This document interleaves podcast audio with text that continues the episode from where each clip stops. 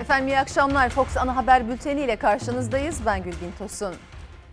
Önce öne çıkan başlıklar diyoruz. Amerika Birleşik Devletleri Başkan adayı Biden ve Başkan Trump'ın Türkiye ve Cumhurbaşkanı Erdoğan'la ilgili sözleri AK Parti muhalefet hattını iyiden iyiye ısıttı detaylarıyla aktaracağız. Korona tablosundaki veriler ürkütüyor. Hastanelerdeki yoğun bakım doluluk oranları da doktorları endişelendirmeye başladı. Salgının en büyük mağduriyeti yarattığı alanlardan biri olan eğitim konusundaysa Milli Eğitim Bakanı'nın açıklamaları olumlu ama sendikalar kaygılı. İstanbul Büyükşehir Belediyesi'nin ya Kanal ya İstanbul yazılı bilgilendirme afişleri gece yarısı valilik emriyle söküldü. Peki Büyükşehir Belediye Başkanı İmamoğlu ne yapacak? Hepsi ve daha fazlası birazdan ama önce Doğu Akdeniz diyoruz çünkü Erdoğan'ın bugün önemli açıklamaları oldu. Sayın seyirciler Doğu Akdeniz'de Yunanistan'la gerilim sürerken Cumhurbaşkanı Recep Tayyip Erdoğan bugün bir kez daha konuştu. Bu kez daha yüksek tondan kararlılık mesajı verdi. Doğu Akdeniz'de haklarımızı koruyacağız dedi. Atina yönetimine de seslenen Cumhurbaşkanı diyalog çağrısı yaptı. Konuşmasının sonundaysa Cuma günü bir müjde vereceğiz diyerek büyük merak uyandırdı. bir asır önce nasıl millet olarak Sevri yırtıp atmışsak bugün de Doğu Akdeniz'de ülkemize dayatılmaya çalışılan sevre boyun eğmeyeceğiz. Cumhurbaşkanı Erdoğan Türkiye'nin Doğu Akdeniz'deki haklarından taviz vermeyeceğini söyledi. Yunanistan, Güney Kıbrıs Rum yönetimi ve Fransa'ya seslendi. Hiçbir sömürgeci güç, hiçbir tehdit ülkemizi bu bölgede var olduğu tahmin edilen zengin petrol ve doğalgaz kaynaklarından mahrum bırakamaz. Türkiye'nin Doğu Akdeniz'de üst üste attığı stratejik adımlar Yunanistan'ı çaresiz bıraktı. Ankara'nın yeni Naftex ilanı üzerine Yunanistan Dışişleri Bakanı Nikos Dendias, Güney Kıbrıs Rum kesimine gitti. Yetkililerle görüşme sonrası Avrupa Birliği'ne Ankara'ya karşı daha sert tutum alma çağrısı yaptı. Vatanımızı savunmak için ne kadar önemli gayretler veriyorsak bugün mavi vatan ve mavi vatanı savunmak da o derece önemlidir. Türkiye Doğu Akdeniz'de geri adım atmamakta kararlı. Cumhurbaşkanı Erdoğan, petrol ve doğalgaz arama faaliyetinin hız kazandığını açıkladı. Türkiye'nin haklarını koruma kararlılığını vurguladı. Türkiye'nin Doğu Akdeniz'den Libya'ya kadar farklı cephelerde yürüttüğü mücadele sadece bir hak mücadelesi değil, bir istikbal mücadelesidir. Erdoğan Doğu Akdeniz'de yaşanan gerilimde uluslararası hukuktan vazgeçilmediğinin altını çizdi. Bölgede kavga istemiyoruz dedi. Gerilim yerine müzakerenin, kavga yerine meselelerimizi konuşarak, anlaşarak çözmenin peşinde olduk. Bugün de aynı samimiyetle, aynı hüsnü niyetle hareket ediyoruz. Muhataplarımızdan da gerilimi tırmandıracak değil, düşürecek diyalog yolunu açacak adımlar bekliyoruz. Cumhurbaşkanı Erdoğan konuşmasını herkeste merak uyandıran bir cümleyle bitirdi. Türkiye'ye cuma günü müjde vereceklerini duyurdu. Bu müjdenin biz de hayalleri, rüyası içerisindeyiz. Cuma günü inşallah bu müjdeyi tüm milletimize vermek suretiyle Türkiye'de yeni bir dönemin açılacağına da şimdiden inanıyorum. Doğu Akdeniz'de yaşanan gerilim iç politikaya da sıçradı. Cumhurbaşkanı Erdoğan adalar konusunu açtı. Okları CHP'nin tek parti dönemine çevirdi. CHP'nin adaların elimizden nasıl gittiğini izah etmesi gerekir dedi. Kılıçdaroğlu ise yurt dışında serveti olduğu iddiasıyla Erdoğan'ı hedef almayı sürdürdü. Tek parti CHP'sinin dış politikada bıraktığı kötü mirasın ceremesini 83 milyon olarak halen biz çekiyoruz. Misak-ı milli sınırlarımıza sahip çıkılmaması ile adalar meselesinde ürkek davranılmasının ülkemize çok büyük maliyetleri olmuştur. Doğu Akdeniz'deki gerilim iç politikaya da bu sözlerle sıçradı. Cumhurbaşkanı Erdoğan 2. Dünya Savaşı'ndan sonra Yunanistan'ın eline geçen Ege adaları için CHP dönemini suçladı. CHP'nin ana karamızdan bir taş atımı mesafedeki adaların nasıl elimizden alındığını milletimize izah etmesi gerekiyor. CHP pişkince bizi eleştirmekte, Rum ve Yunan tezlerinin savunuculuğunu yapmaktadır. CHP kontrolü kaybetmiş, müvazeneyi tamamen yitirmiştir. Erdoğan ve Kılıçdaroğlu'nun 2 milyonluk tazminat talebiyle adliyelik olmasından bir gün sonra iktidar muhalefet hattını bu kez Erdoğan'ın tek parti dönemi, Ege Adaları çıkışı ve CHP'nin Doğu Akdeniz politikasında milli çizgide olmadığı sözleri ısıttı. CHP'den yurt dışındaki dostlarına taşeronluk yapmak yerine Türkiye eksenli hareket etmesini istiyoruz. Rum ve Yunan tezlerine sözcülük yapmasını değil. ABD Kongresi'nin şantajına teslim olunmaması halinde hiçbir itirazda bulunmadan Erdoğan ailesine 2 milyon lirayı derhal ödeyeceğim. Amerika Birleşik Devletleri Kongresi mal varlığını soruştururum deyince suspus oluyor. Başlattığı sınır ötesi harekatı durduruveriyor. Mal varlığı soruşturması ülke çıkarlarının önüne geçiyor. CHP liderinin Erdoğan'ın yurt dışında milyarlarca parası, serveti var. Memleketi seviyorsa parasını getirsin sözlerinden iki isim mahkemelik oldu. Erdoğan Kılıçdaroğlu'ndan 2 milyon lira manevi tazminat isteyen davayı açtı. Kılıçdaroğlu ise 2 milyon lirayı vereceğim dedi. Deniz Baykal hatırlatması yaparak. Servet ve hesaplar üzerinden yapılan bir itham karşısında önceki genel başkanımız Sayın Deniz Baykal susmamış, İsviçre makamlarına başvurmuş, hesabının olmadığını ispatlamıştır. Siyasi hırslarını ülkenin çıkarlarının önüne koyan bir partiden milli ve yerli tavır beklemek elbette gerçekleşmesi zor bir hayaldir. Erdoğan CHP'ye dış politika üzerinden millilik ve yerlilik eleştirisi yaptı. Ege Adaları dosyasını açtı. Kılıçdaroğlu yurt dışında servet iddiasını gündemde tuttu. Siyasetin suları dalgalı. Amerika'nın başkan adayları Biden'la Trump'ın sözlerinin iç siyasette yarattığı gerilimde ise söz sırası Meral Akşener, Ahmet Davutoğlu ve Temel Karamollaoğlu'ndaydı. Davutoğlu biz tepki verdik ama kulakları var duymazlar. Tuzaklar üzerinden siyaset doğru değil dedi. Erdoğan'dan tık yok diyen Akşener ise İletişim Başkanı Fahrettin Altun'u hedef aldı. Karamollaoğlu ise Biden Türkiye'yi tehdit etti, muhalefeti kullandı yorumunu yaptı. CHP ile AK Parti arasında da darbeci suçlamasıyla tansiyon yükseldi. not by a coup, not by a coup, but by the electoral process. Ben Sayın Erdoğan ne dediğini duymadım. Siz duydunuz mu? Kalın duydum, Sayın Altun'u duydum. Devlet memurlarını duydum, atanmışları duydum. Sayın Erdoğan ne dediğini bilmiyorum. Biden'ın ve Trump'ın Cumhurbaşkanımız üzerinden Amerikan seçimleriyle ilgili yaptığı tartışmayı gündeme alıp kendi ülkesinin Cumhurbaşkanı'nı eleştiriyor. Gerçekten utanç vericidir. Hadi oradan. Bize laf söyleyeceğiniz Amerika'ya laf söyleyin. Her müdahaleyi kınıyoruz ve lanetliyoruz. Bitti. ABD Başkan adayı Joe Biden'ın hassiz sözleri üzerinden başlayan polemik önce neden tepki vermediniz tartışmasıyla alevlendi. Ardından neden zamanında tepki göstermediniz restleşmesine dönüştü. En son darbe tartışmasına kadar uzandı. AK Parti muhalefet hattı ısındı. Darbe karşıtlığınıza kimse inanmaz. Nerede bir vesayet varsa, bir darbe girişimi varsa her zaman arkasında oldular. Darbe diyor. En büyük darbeci sensin. Ya CHP nasıl darbe yapacak?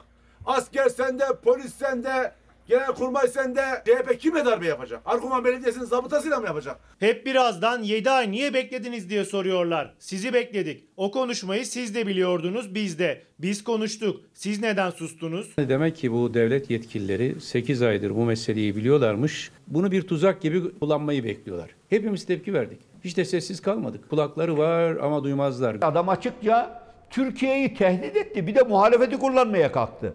Allah'tan bütün muhalefet aynı tepkiyi gösterdi. Biz Türkiye olarak kendi problemlerimizi kendimiz çözeriz. Biden'ın ifadelerine muhalefet ortak tepki açıklaması yapalım formülünü dile getirdi. Akşener Davutoğlu görüşmesinde öneri gündeme geldi. Ama Ankara'nın tepkisi için öncelikle Cumhurbaşkanı Erdoğan'ı işaret etti muhalefet. Açılış töreninde konuşan Erdoğan tartışmaya girmemeyi tercih etti. Hepimiz telef olduk Biden'a bağırmaktan. Sayın Erdoğan'dan tık yok. İktidarla muhalefeti karşı karşıya getiren Biden'ın 8 ay önce söylediği sözleri gündeme taşıyan Cumhurbaşkanlığı İletişim Başkanı Fahrettin Altun oldu. Biden'ın ifadeleri karşısında muhalefeti de sessiz kalmakla suçlayan Altun'a cevap atanmış memur hatırlatmasıyla geldi. Vay efendim muhalefet ne yapıyor? Atanmış bir arkadaşın siyasetçiye diskur çekmesi, ayar vermesi en hafifiyle hadsizliktir.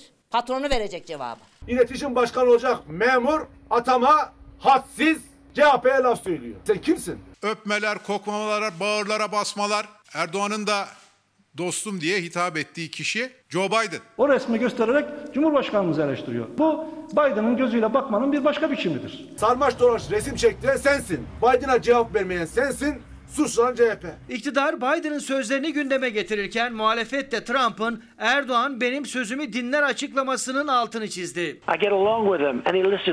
Bunu herkesin ortasında söylemek istemiyorum ama bu doğru. Ben onunla anlaşabiliyorum. Beni dinliyor. Trump'ın son açıklamalarından birinde Erdoğan beni dinliyor demesi bile imalı olarak başka şeyler ifade eder. Türkiye Cumhuriyeti Cumhurbaşkanı kimseyi dinlemez. Amerika'da başkan adayları konuştu. Ankara'da siyasette tansiyon tavan yaptı.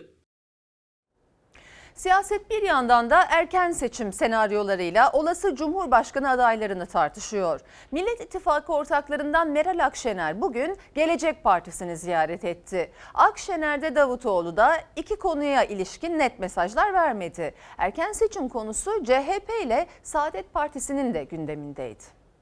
Nezaketiniz için çok teşekkür ederim. Yok ben alışık değilim. Birlikte çalışmamız durumunda ciddi bir sinerji oluşabileceği kanaati bizde hasıl olmuştur. CHP İYİ Parti'nin Millet İttifakı AK Parti'den kopan Deva ve Gelecek Partisi'nde kapsar mı? Akşener Babacan'dan sonra Davutoğlu'nu da ziyaret etti. Peşinde ise Millet İttifakı'nın Cumhurbaşkanı adayı siz mi olacaksınız sorusu da vardı. Demirel'in sözü var. Ortada seçim yok, hiçbir şey yok. Doğmamış çocuğa don biçmenin doğru olmadığını düşünüyorum. Cumhurbaşkanlığı adaylığı seçim kararı alınmadan gündeme gelmez. Öyle bir şekilde AK Parti gündem oluşturuyor ki ya daha ortada fol yok yumurta yok. Dereyi görmeden paçası vanmaz ki. Türkiye'nin tabanın dikkatini dağıtmak için yapılan bir girişimdir. Saadet Partisi lideri Temel Karamollaoğlu Millet İttifakı'nın adayını konuşmak için erken dedi. Akşener adaylığı konusuna renk vermedi. Davutoğlu da ittifaklar için erken olduğu görüşünde. Partiler arasında bu görüşmenin yapılabilir olması lazım. Türkiye'de siyasetin artık tansiyonun düşmesi, herkesin fikirlerle karşılıklı olarak birbirlerine hitap edebilmesi lazım. İttifaklardan bahsetmek için daha erken bir dönem. Yapacağımız şey bu dönemde ittifak, ittifakımızı güçlendireceğiz ve iktidara yürüyeceğiz. Bu Abdullah Gül tartışmalar boş tartışmalar. Kemal Kılıçdaroğlu'nun Cumhuriyet Gazetesi'ne verdiği röportajda Abdullah Gül'le ilgili bize gelen bir şey yok Gül'den neden bu kadar korkuyorlar sözleri de siyasette yankılanmıştı. CHP'li Veli Ağbaba Abdullah Gül tartışmasında kapıyı kapattı ama bu kez de Akşener'le Davutoğlu'nun karşısına çıktı. Size sordu. Bana mı? Birlikte mi? Biz bu konuda bir taraf durumunda değiliz. Korkuyu tümüyle ortadan kaldıracak bir siyasi iklim şart. İttifaklar ve adaylar için muhalefet cephesinde henüz erken söylemi ağır bastı. Temel Karamollaoğlu ise seçim tarihi için yeni bir tahmin ortaya attı. Önümüzdeki bir sene içinde seçim olur mu? Bir sene içinde benim kanaatime göre seçim olmaz. Ancak bir seneden sonra yani önümüzdeki Eylül'den itibaren seçim beklentisi olur. Neden? Çünkü bundan sonra Sayın Cumhurbaşkanı iki yıllık bir dönem kalmış. Kendisi de artık ayakta duracak vatandaş bir hali kalmamış. Vatandaştan da destek her geçen gün azalıyor. O halde zararın neresinden dönülürse kardır mantığıyla bir seçime gidebilirler. Ve koronavirüs gündemi yeni vakalar artıyor, iyileşenlerin sayısı ise düşüyor. Cumhurbaşkanı Erdoğan salgın kontrol altında dese de uzmanların endişeleri devam ediyor. Yaşamını yitirenler arasında ise ne yazık ki bir de belediye başkanı var. Vaka sayılarında kısmi bir artış yaşansa da salgın halen kontrolümüz altındadır. Cumhurbaşkanı Erdoğan'ın da söylediği gibi vaka sayısı günden güne artıyor. Günlük hasta sayısı 1263'e yükseldi. İyileşenlerin sayısında ise düşüş var. En kritik olan da ağır hasta sayısı 700'ün üstüne çıktı. Sağlık Bakanı Fahrettin Koca bir kez daha tedbirlerde kararlılık istedi. Bu tabloda her gün açıklanan koronavirüs test sonuçları ortalama 10 gün önceki bulaşmaları gösteriyor. Sonuçlara göre ortalama 10 gün önce virüs tedbirlere uyulmayan ortamlarda 1263 kişiye daha bulaştı. Kararlı olursak virüse bu gücü tanımayabiliriz. 15 gündür hem hasta sayısında hem de ağır hasta sayısında artış var. Bu da sanki işte Nisan-Mayıs aylarına geri dönüyormuşuz gibi bir endişe uyandırıyor bizde. Yatak ve yoğun bakım yoğunluğumuz var. Eğer bu hızla giderse yani bir şehir hastanesi daha olsa yetmez. Konya İl Sağlık Müdürü Mehmet Koç, vakaların artışa geçmesi üzerine Ağustos ayının başında uyarıda bulunmuştu. Son 24 saatte 20 hastanın yaşamını yitirdiği salgında acı haberlerden biri de Konya'dan geldi. Çumra Belediye Başkanı Halit Oflas koronavirüsle mücadeleyi kaybetti. 45 yaşındaki Oflas hastalığını 3 Ağustos'ta sosyal medya hesabından duyurmuş, dualarınızı bekliyorum demişti. Gözyaşlarıyla toprağa verildi. 15 gündür yoğun bakıma yatırdığımız hastalar aynen Nisan-Mayıs ayındaki gibi yaşlı olan ve akciğerleri ciddi hasta olup oksijen almakta ciddi problem çeken hastalar. Temmuz ayında böyle değildi mesela. Daha genç hastalardı.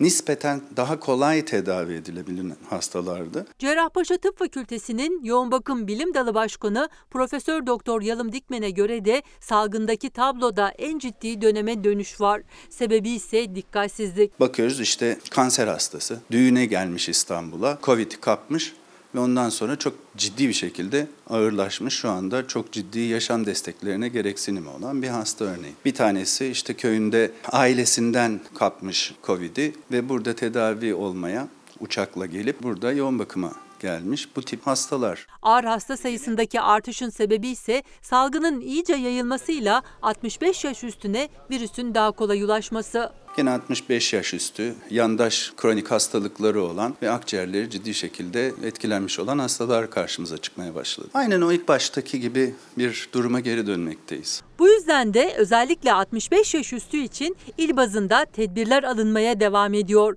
İzmir ve Konya kısıtlama getirilen iller arasına girdi. Konya'da 65 yaş üstünün pazar yeri, alışveriş merkezi ile piknik alanı gibi kalabalık ortamlarda bulunmamalarına, toplu taşıma araçlarını kullanmamalarına karar verildi. İzmir'de ise en yakın pazar ya da markete gidebilecekler. Alışverişlerini 10-12 saatleri arasında yapabilecekler. İzmir'de ölenler arasında 65 yaş üstünün oranı %76. Onların hiçbir şekilde bu virüsü kapmamaları lazım. Belirti vermeyen ve Covid olduğunu bilmediğimiz pek çok taşıyıcı var toplumda ve bunlarla yüz yüze gelmek bulaş açısından çok büyük risk. Etrafımızdakileri de koruyarak bununla başa çıkabiliriz. Maske, mesafe, hijyen dışında önerebilecek hiçbir şey yok şu anda. İçişleri Bakanlığı 81 ilde kapsamlı koronavirüs denetimleri yapılacağını duyurmuştu. Hem toplu taşıma araçları hem de sokaklar denetlendi. Ancak özellikle maske kuralına uymamakta direnenler hala hiç de az değil. Diyorsun.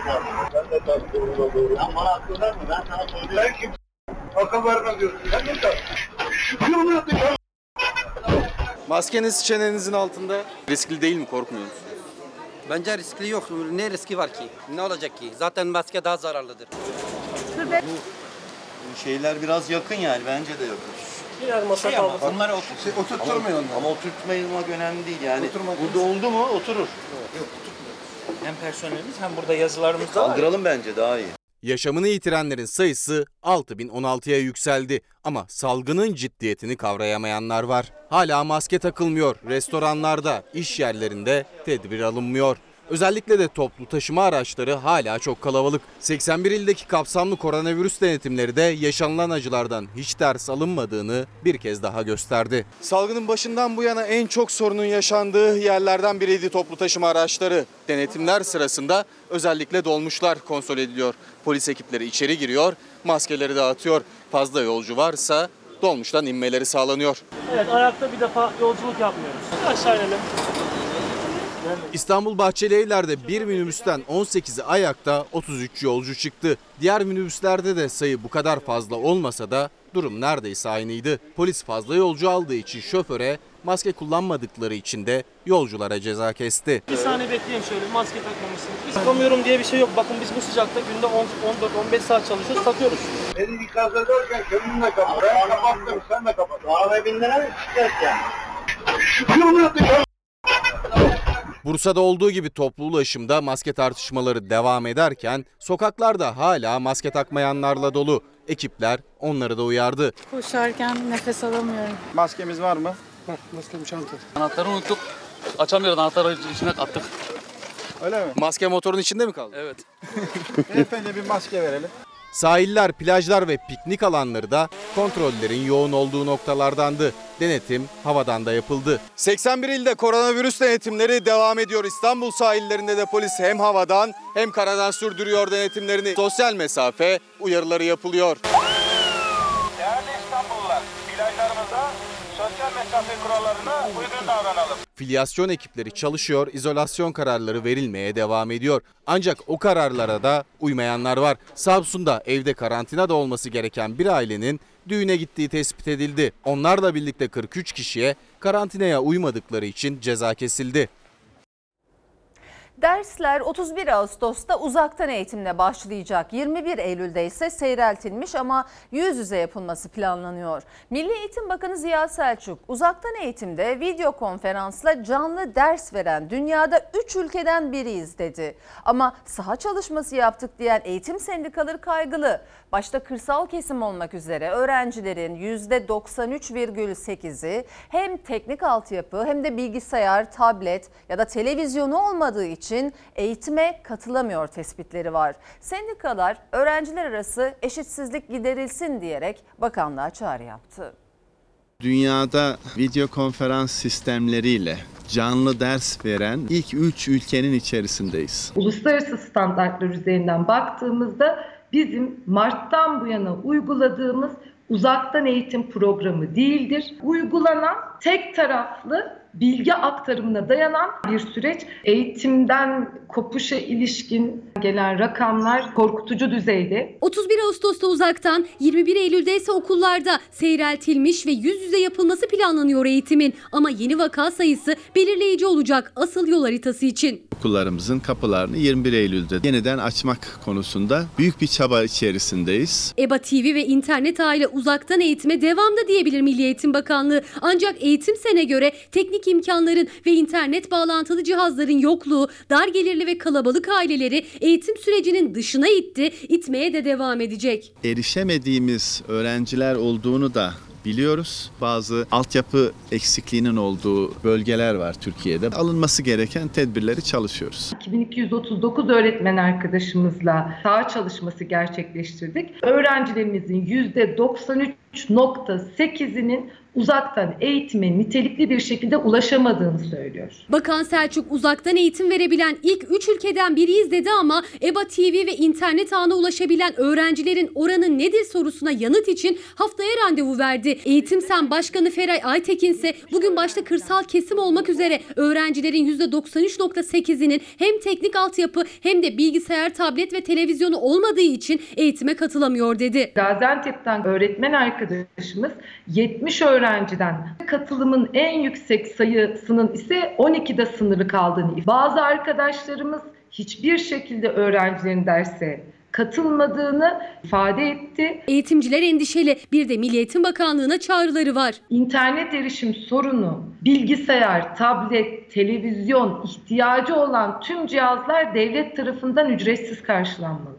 Anayasada net bir şekilde diyor ki bütün çocuklara eşit ve nitelikli olarak erişme imkanlarının sağlanması devletin Milli Eğitim Bakanlığı'nın sorumluluğudur. Ankara Pursaklar'da Gümüşoluk İlkokulu devlet okulları içerisinde ilk temiz belgesini alan okul oldu ve Milli Eğitim Bakanı Ziya Selçuk da şu anda okulda son denetlemeleri yapıyor. Okulların da bir an önce açılması için her cephede çalışıyoruz. Milli Eğitim kulislerine göre uzaktan eğitimde eşitsizliğin giderilmesi için bakanlık GSM şirketleriyle mobil internet istasyonları kurulması konusunda ve 8 GB'lık bedava internet desteğinin artırılması için görüşüyor. Dünyanın Covid-19 ile mücadelesine aktaralım. Almanya'da vakalar hızla artarken Dünya Sağlık Örgütü'nden grip aşısı uyarısı geldi. İngiltere'de ise 50 bin kişinin katıldığı korona testinin sonucu herkesi şok etti. Dünya Sağlık Örgütü önümüzdeki kış için grip aşısı yaptırılmalı uyarısında bulundu. Küresel kabus Covid-19 dünya genelinde 785 binden fazla can aldı. 22 milyon 400 bin kişi de virüse yakalandı. 15 milyon kişi ise hastalığı yenip iyileşmeyi başardı. Yazın sona ermesiyle birlikte salgının yeniden hız kazanacağı endişesi arttı. Dünya Sağlık Örgütü yaklaşan sonbahar ve kış için tüm ülkeleri grip aşısı yaptırmaya çağırdı. Böylelikle koronavirüsle benzer öksürük ve yüksek ateş semptomları görülen grip hastalarındaki artışın azalması bekleniyor. Örgüt iki hastalığın ayırt edilerek hastanelerdeki doluluğun önüne geçilmesini de hedefliyor. Almanya'da gençler arasında da vakalar hızla artıyor. Son 24 saatte 1510 kişi virüse yakalandı. Artan vakalar sonrası Başbakan Merkel halk uyardı. Salgının ortasındayız diyerek vatandaşlarını maske takmaya ve sosyal mesafe kuralına uymaya çağırdı. Lübnan başkent Beyrut'u yerle bir eden patlamadan sonra artan vakalar için yeni tedbirler aldı. Cuma gününden itibaren ülke genelinde kısmi sokağa çıkma yasağı ilan edildi. 18-06 saatleri arasında uygulanacak yasak 7 Eylül'e kadar devam edecek. İngiltere genelinde yapılan bir test virüsle ilgili şaşırtıcı sonuçlar ortaya koydu. Ulusal İstatistik Kurumu 50 bin kişinin katıldığı korona testinin sonuçlarını açıkladı. Salgına yakalananların %72'sinin virüsü taşıdığından haberi olmadığı anlaşıldı. Ayrıca teste katılanların hiçbirinin semptom göstermediğini de belirledi. Sayın seyirciler iktidarla muhalefetin aralıksız tartışma başlığı ekonominin durumu. Cumhurbaşkanı Erdoğan Türkiye ekonomisi salgın öncesi ivmesini yakaladı dedi. Muhalefet döviz kuru, işsizlik üzerinden rakamlarla karşısına çıktı. AK Parti ile Saadet Partisi arasında beton ekonomisi düellosu da yaşanırken Meral Akşener dikkatleri Merkez Bankası'nın yarın alacağı faiz kararına çevirdi. Türk ekonomisi salgın öncesi ivmesini tekrar yakalamış görünüyor. Türkiye'de ekonomi dibe vurmuş. Tam takır oldu. Boş hazine. Boş ne demek? Borçlu hazine. Bugünkü iktidar bir tiyatro oyunu. Gündem ekonomi, liderler karşı karşıya. Cumhurbaşkanı Erdoğan'ın çizdiği olumlu tabloya karşılık muhalefetin olumsuz tablosu var. Bıçak kemiğe dayanmış. İşsizlik almış başını gidiyor. Fiyatlar zirve yapmış. Doları bile tutamıyorsunuz. Hazinede para kalmadı ya. Bize düşen işi gücü sabah akşam millete karamsarlık aşılamak olan muhalefete aldırmadan üretime, yatırıma devam etmektir. CHP zihniyetinin bizi esir almasına eğer izin verirsek bu ülkeyi siyasette, vesayete, sanayide ithalata, enerjide dışa bağımlılığa mahkum ederiz. Takoz olan sığ bir muhalefet anlayışının ülkemize verebileceği hiçbir şey yoktur. Hiç kusura bakmayın.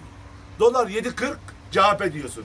İşsizlik 11.7 milyon CHP diyorsun. Enflasyon almış başını gitmiş CHP diyorsun. Ekonomi mesajlarını Ankara'da kurulan Türkiye'nin ilk ve tek tam entegre güneş paneli üretim fabrikası açılışında verdi Erdoğan. Nasıl bugün her alanda dünden daha iyi bir yerdeysek inşallah yarın çok daha iyi bir konumda olacağız. Biz neden sürekli olarak dış ticarette açık veriyoruz? Neden dış borçlarımızı ödeyemez hale geldik? Ben geçen hafta Türkiye'nin moratorium noktasına geldiğini söylemiştim. Artık alenen iflas ilanında bulunacaklar. Ödeyemiyorlar. Bu sene biz bütçe açığını 7. ayda doldurduk. Saadet lideri Temel Karamollaoğlu borç yüküne dikkat çekti. İflas ilanı yakın dedi. Karamollaoğlu ve Hazine ve Maliye Bakanı Berat Albayrak arasındaki beton polemiği de alevlendi. Sadece inşaat yaptınız. Ne beton ne asfalt bizim ihtiyacımızı karşılamaya yetmiyor. İşleri güçleri bir yerde bir fırsatını bulup inşaat yapma. Başka bir şeye de şeye akılları ermiyor. Bu süreçte köstek olanlar, ben onlara şey diyorum, beton lobisi, beton edebiyatı yapayanlar. Bunlar ademe mahkum olacaklar. Güttükleri bu beton söylemi onları sonunda bu beton duvarlar arasında tarihte yok olup gidecekler. Muhalefetten kim konuşsa farklı bir başlığa değindi. Meral Akşener de merakla beklenen Merkez Bankası'nın faiz kararı için konuştu. Erdoğan'a yüklendi. Merkez Bankası bağımsızlığını, özelliğini terk etmiş durumdadır. İktidarın otur otur kalk kalk pozisyonundadır. Onun için yarın Haşmet Mahap ne karar verecek bilmiyoruz. Siyasette ekonomi sıcak başlık, her sözde taraflar karşı karşıya. Süt üreticileri yem ve ilaç fiyatlarının döviz kuru nedeniyle artmasıyla neredeyse zararına üretim yapmaya başladı. Onlar çiğ süte zam talep ederken tüketici de o zammın ceplerine yansımasından endişe ediyor. Hem üretici hem de tüketici mağdur olmamak için destek bekliyor. Bir an evvel e, süt ve etteki yanlış fiyatlamaların önüne geçilmesini talep ediyoruz. Yaklaşık %21 ile 28 arasında yem maliyetlerinin arttığı bir e, ortamda ilaç giderlerinde de yaklaşık %14'lük bir artış var. Bu durumda üretim yapmamak yapmaktan daha karlı. Süt üreticisi dertli çünkü sattıkları çiğ sütün fiyatı 10 aydır aynı.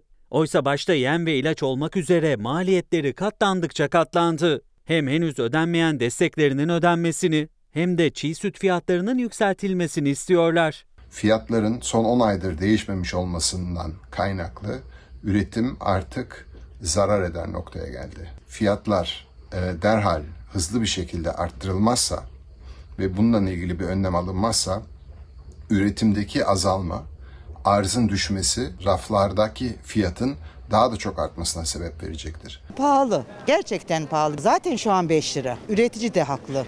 Ne yapalım? Kasım 2019'da çiğ süt fiyatı 2 lira 30 kuruş olarak belirlenmişti. Süt desteği ise aylık 25 kuruş. Üretici söz verilen desteği alamadığı gibi maliyet baskısıyla karşı karşıya kaldı bu süreçte. Yem tedarikinde yaklaşık %50 yurt dışına bağımlı olan ülkemizde ne yazık ki kur artışına dayalı müthiş bir maliyet baskısı geldi. Döviz kuru yükselince yem ve ilacı her ay zamlı almak zorunda kaldı süt üreticisi.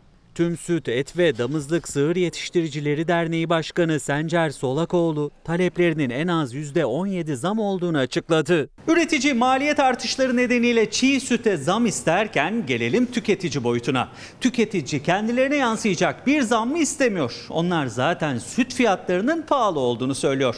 Bugün özellikle yoğurt yapmak için satılan sütün litresi 5 lira 60 kuruşken kutu sütün litresi ise 4,5 lira seviyesinde. Şişede alıyorum 7-8 liradan aşağıya yok sütler. Her şey zamlanıyor. Bize yansıyacak tabii ki.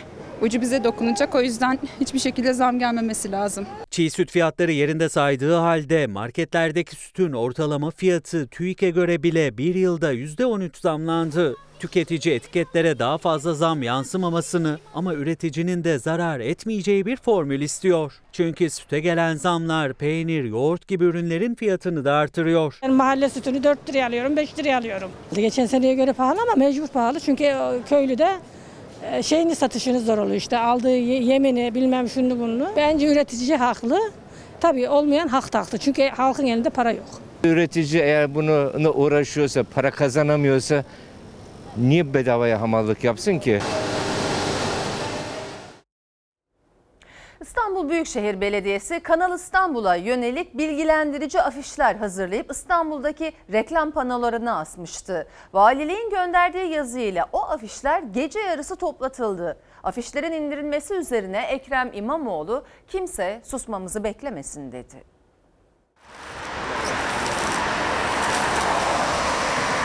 Proje İstanbul'a ihanet projesi bile değildir. Çok net, resmen bir cinayet projesidir. Başından beri Kanal İstanbul'a karşı İstanbul Büyükşehir Belediye Başkanı Ekrem İmamoğlu projeye yasal itirazlarını da yaptı, bilgilendirme için afişler hazırlattı. Ancak haftalardır İstanbul'da asılı olan ya Kanal ya İstanbul afişlerine yasak geldi. İstanbul Valiliği'nin yazısı üzerine gece yarısı afişler söküldü. Ben de kalkıp evden gelmeye Yasa gereği bölücü ve yıkıcı olmayan afişler ancak mahkeme kararıyla kaldırılabilir. Maalesef bir avuç insan artık yargı kararına bile gerek duymadan canının istediğini yapıyor. Devletin her kurumuyla iş yapmak bizim de asli sorumluluğumuzdur. Ama devletin bir kurumu eğer ısrarla İstanbul'a ihanet etmek istiyorsa ona da karşı durmak bizim sorumluluğumuz. Onu ifade edelim. Yani elleri teslim şeklinde beklemeyeceğiz. İstanbul Büyükşehir Belediyesi Ağustos ayından itibaren Kanal İstanbul'la ilgili bilgilendirici afişler asmıştı reklam ünitelerine. Ancak valiliğin gece yarısı gönderdiği yazıyla emniyet güçleri o afişleri yerlerinden söktü. Hemen arkamda gördüğünüz üst geçitte de ya Kanal ya İstanbul yazılı bir afiş vardı. Ancak o da yerinden kaldırıldı. İstanbul Valiliği İçişleri Bakanlığı onayıyla mülkiye müfettişlerinin inceleme yaptığını, afişlerin gece 24'e kadar kaldırılması gerektiğini yazıyla iletti belediyeye. Kaldırılmadığı takdirde emniyet güçleri tarafından alınacağı açıklandı. Öyle de oldu. Ya Kanal ya İstanbul yazılı afişler bir bir indirildi.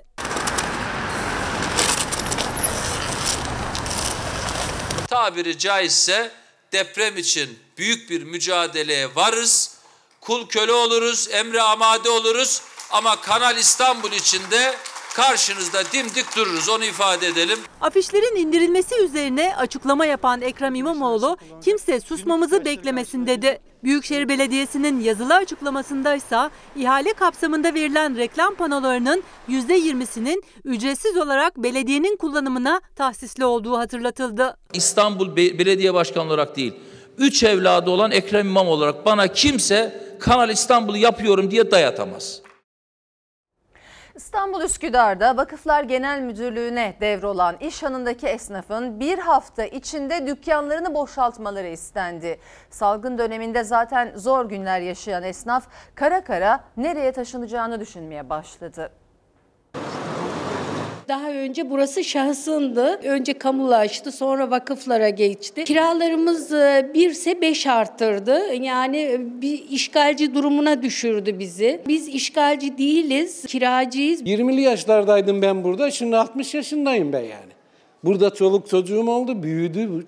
Yani 30 yıllık, 40 yıllık Üsküdar esnafında kapı dışarı yapmasınlar. Hiçbir imkan olanak tanımadan. Bize bir yer göstersinler. Bu iş anında yılları geçti, ekmeklerini kazandılar. Ancak şimdi iş anını terk etmeleri için sayılı günleri var. Zaten koronavirüs nedeniyle zor günler geçiren esnafa Vakıflar Genel Müdürlüğü ne yeni bir yer gösteriyor ne de ek süre tanıyor. Biz 32 yıldır bu mekanda, bu Mimar Sinan Çarşısı'nda esnafız.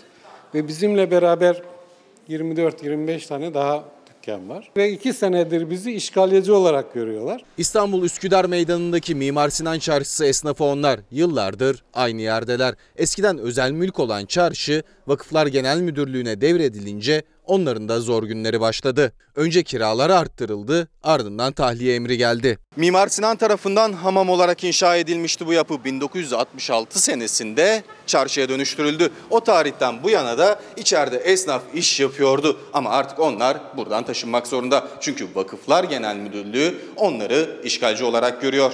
Bize önce 15 gün müddet verdiler. Biz yürütmeyi durdurma için mahkemeye başvurduk. Mahkemeden e, yürütmeyi durdurmayı kaldırdılar.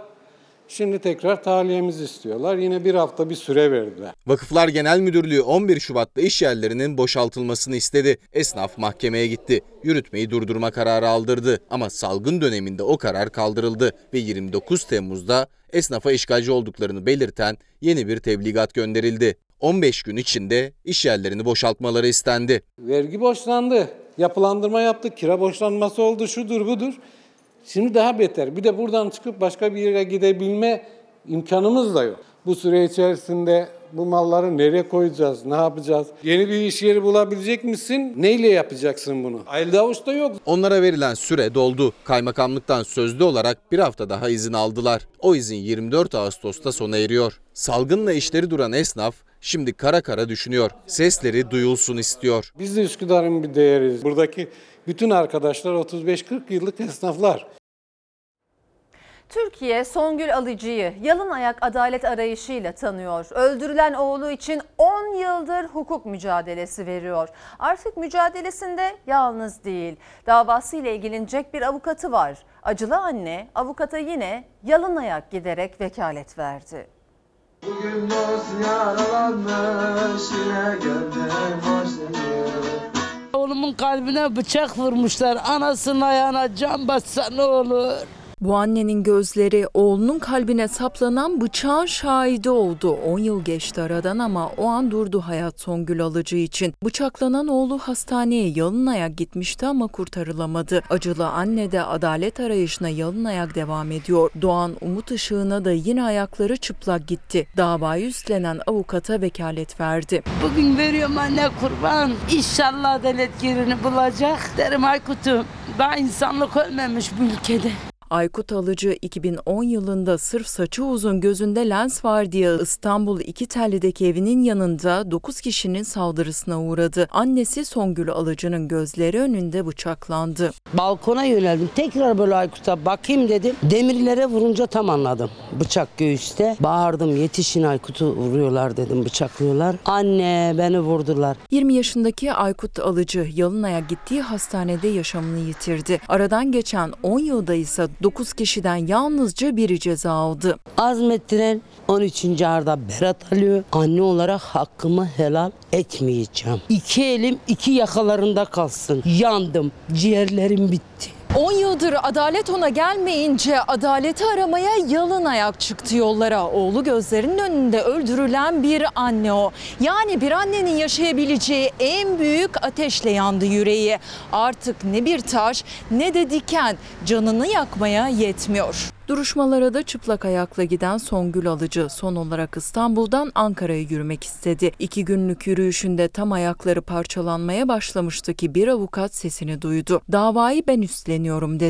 Bundan sonra adalet yolunda yine yalın ayak olacak ama en azından yalnız yürümeyecek. Bana soruyorlar niye çıplak ayakla gidiyorsun? Aykut'un davalarına. O gecenin saatinde 11'de 11 buçuk oğlum buradan oraya koştu. Acaba ayağına ne battı? Eli kalbinde. Onun canı yanmamışsa benim canım hiç yanmaz anne olarak. Sayın seyirciler, SMA hastaları 2 aydır ilaçlarına ulaşamıyordu. Sonunda ilaçların yeniden temin edileceği müjdesi geldi bugün. Ancak aslında özellikle 2 yaşından küçük SMA hastaları için gen terapisiyle tamamen iyileşme umudu var. Bir müjde de o aileler bekliyor. Ee, Maalesef iki aydır ilaç anlaşması sağlanamamış durumda. Doz zamanı gelenler şu an dozlarını alamıyor. aslında çığır açan bir tedavi yöntemi olarak ifade edilen gen e, terapisi. Bir kerelik bir uygulamayla hastalıklı gen yerine çalışan bir gen e, koyarak çocuğun yetişmesi, büyümesi ne imkan sağlayan bir tedavi yöntemi. E, mercanımıza bu tedaviyi e, sağlama konusunda yardımlarını bekliyoruz. SMA hastaları çok pahalı olan ithal ilaçlarına kavuşabilmek için yıllarca mücadele verdi. İlaçları SGK kapsamına alındı ama iki aydır yeni dozlarına ulaşamıyorlar. Sonunda Aile Çalışma ve Sosyal Hizmetler Bakanı Zehra Zümrüt Selçuk'tan müjde geldi. İlaçları temin etmeye devam edeceğiz dedi Selçuk. Ancak hastaların tamamı o ilacın kriterlerini karşılamıyor. Hem onlar için hem de tüm hastalarda kesin çözüm için gen tedavisi öneriyor doktorlar. SMA hastaları bir müjde de o tedavi için bekliyor. SMA hastalarımızın sağlık uygulama tebliğine tabi ilaçlarını daha önce olduğu gibi temin etmeye devam edeceğiz. Rabbim tüm hastalarımıza acil şifalar versin. Ben bir anne olarak bu çocukların bu haline dayanamıyorum. O aileler her gün bu duyguyu yaşıyor. Oyuncu Bergüzar Koreli de gözyaşlarına boğan mağduriyet aslında uzun süredir raftaydı. Çünkü SMA hastaları SGK kapsamına alınan ilaçlarının dozlarını düzenli alabiliyordu. Ancak koronavirüs salgını ile birlikte aksaklıklar yaşanmaya başladı. Geçen her gün kaslarındaki gelişme geri gidiyordu hastaların. Bakan Selçuk'un açıklamasıyla rahat bir nefes aldılar. Ancak hala gen tedavisine yönelik bir düzenleme yok. Mutlaka yardıma ihtiyacımız var çünkü bu muazzam bir rakam. Hani çok acı da bir e, aslında bir, bir bebeğin hayatı için bu, bu paraların istenmesi. Bir buçuk yaşındaki Pamir bebeğinde, 7 aylık Mercan bebeğinde 2 yaşına kadar uygulanabilen gen tedavisiyle hastalığı yenmesi mümkün. Ancak tedavi Türkiye'de SGK kapsamında değil. Çocukların ömür boyu ilaç kullanmak yerine tek bir uygulama ile tedavi şansı var doktorlarına göre. Amerika ve Avrupa'da uygulanan ve 2 milyon 100 bin euroya mal olan gen terapisi için kendi imkanlarıyla kampanya düzenliyor. İlaç firmasıyla anlaşma yapılması durumunda bu 2.4 milyon doların yaklaşık dörtte biri maliyetine e, kendi ülkemizde e, bu tedaviyi görmemiz mümkün. Yani herhangi bir e, çalışan bir ailenin karşılayacağı bir şey değil, ücret değil. O yüzden birçok SM hastası gibi biz de kampanya başlattık. 2 yaşına kadar alması gerekiyor çünkü bu uygulanan tedavinin maksimum faydası 2 yaşına kadar olan bebeklerde etki gösteriyor. 5 ay içerisinde aslında Pamir'i bu tedaviyi aldırmamız gerekiyor. 15 aylık YAZG içinse bu paranın büyük bir kısmı toplandı. Ancak bireysel kampanyalarla değil, devletin desteğiyle ilerlemek istiyor aileler. Bağış kampanyamızın %75'ini tamamladık fakat 490 bin e, euroluk bir kısmı kaldı. Kampanyada 5 euro 10 eurolarla buraya geldik.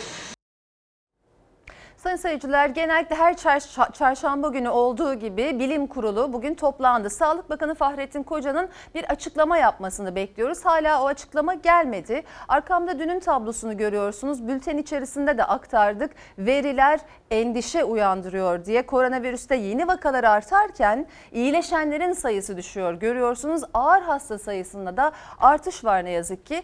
Dediğim gibi Bakan Koca'dan açıklama henüz yok toplantı sonrası ama bizlerle paylaştığı iki mesaj var onu paylaşalım araya gitmeden önce. Diyor ki koronavirüs gücünü salgınla mücadele kurallarına uymadığımız ortamlardan alıyor. Maske, mesafe, temizlik kurallarına uyarsak vaka sayılarını kolaylıkla kontrol altına alır. Yarın hastalığı yenebiliriz. Bilime güvenelim, kurallara uyalım. Tarihte son bulmamış salgın yoktur. Bir diğerini de kısaca okuyalım. Koronavirüs salgını salgınla mücadele kurallarına uymadığımız ortamlardan alıyor diye tekrar etmiş diğerinde de. Şimdi ara zaman efendim.